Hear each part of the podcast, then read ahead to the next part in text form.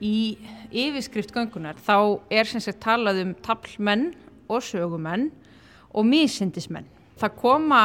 ansi margir mísindismenn fram í bókum Braga og alveg frá dæmdum glæpamönnum til manna sem virka saklýsisleir á yfirborðinu en reynast varasamir þegar öll kurl eru komið til grafar. Og við fáum ofta einhvern veginn svona insýn í það sem leynist undir hverstaslegu yfirborðið fólks og stundum er þetta mjög óhugnulega insýn og stundum mjög fyndin. Uh, en þessi óhugnulega insýn kemur eiginlega hverki jafn vel fram og í samkvæmisleikjum eins og Guðrún Lára myndist á hérna áðan. Um,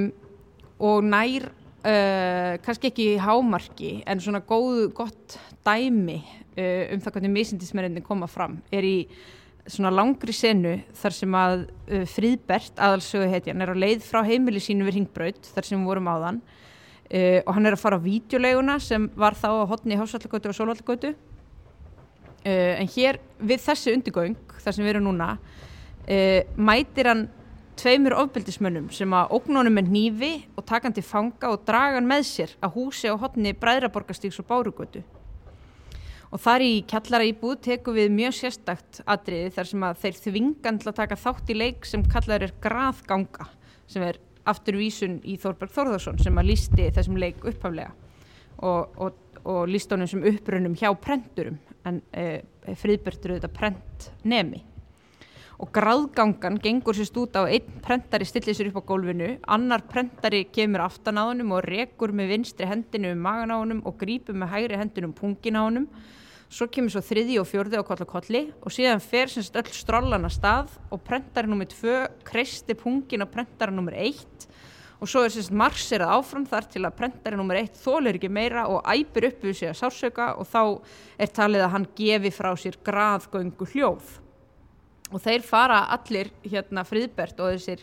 allir þessir glæpamenn fara í þessa hérna graðgöngu í þessari kjallar íbúð uh, allir þessir skuggalegu menn. En svo í miðri göngunni þá slítur friðbert sér frá þeim og leggur á flótta heimti sín. Um, en það er svo aftur hér í þessum undirgöngum uh, sem að þeir ná honum aftur og ganga síðan svo illa í skrokka honum og hann þarf að leggjast inn á sjúkrahús. Og uh, í fljótu bræði þá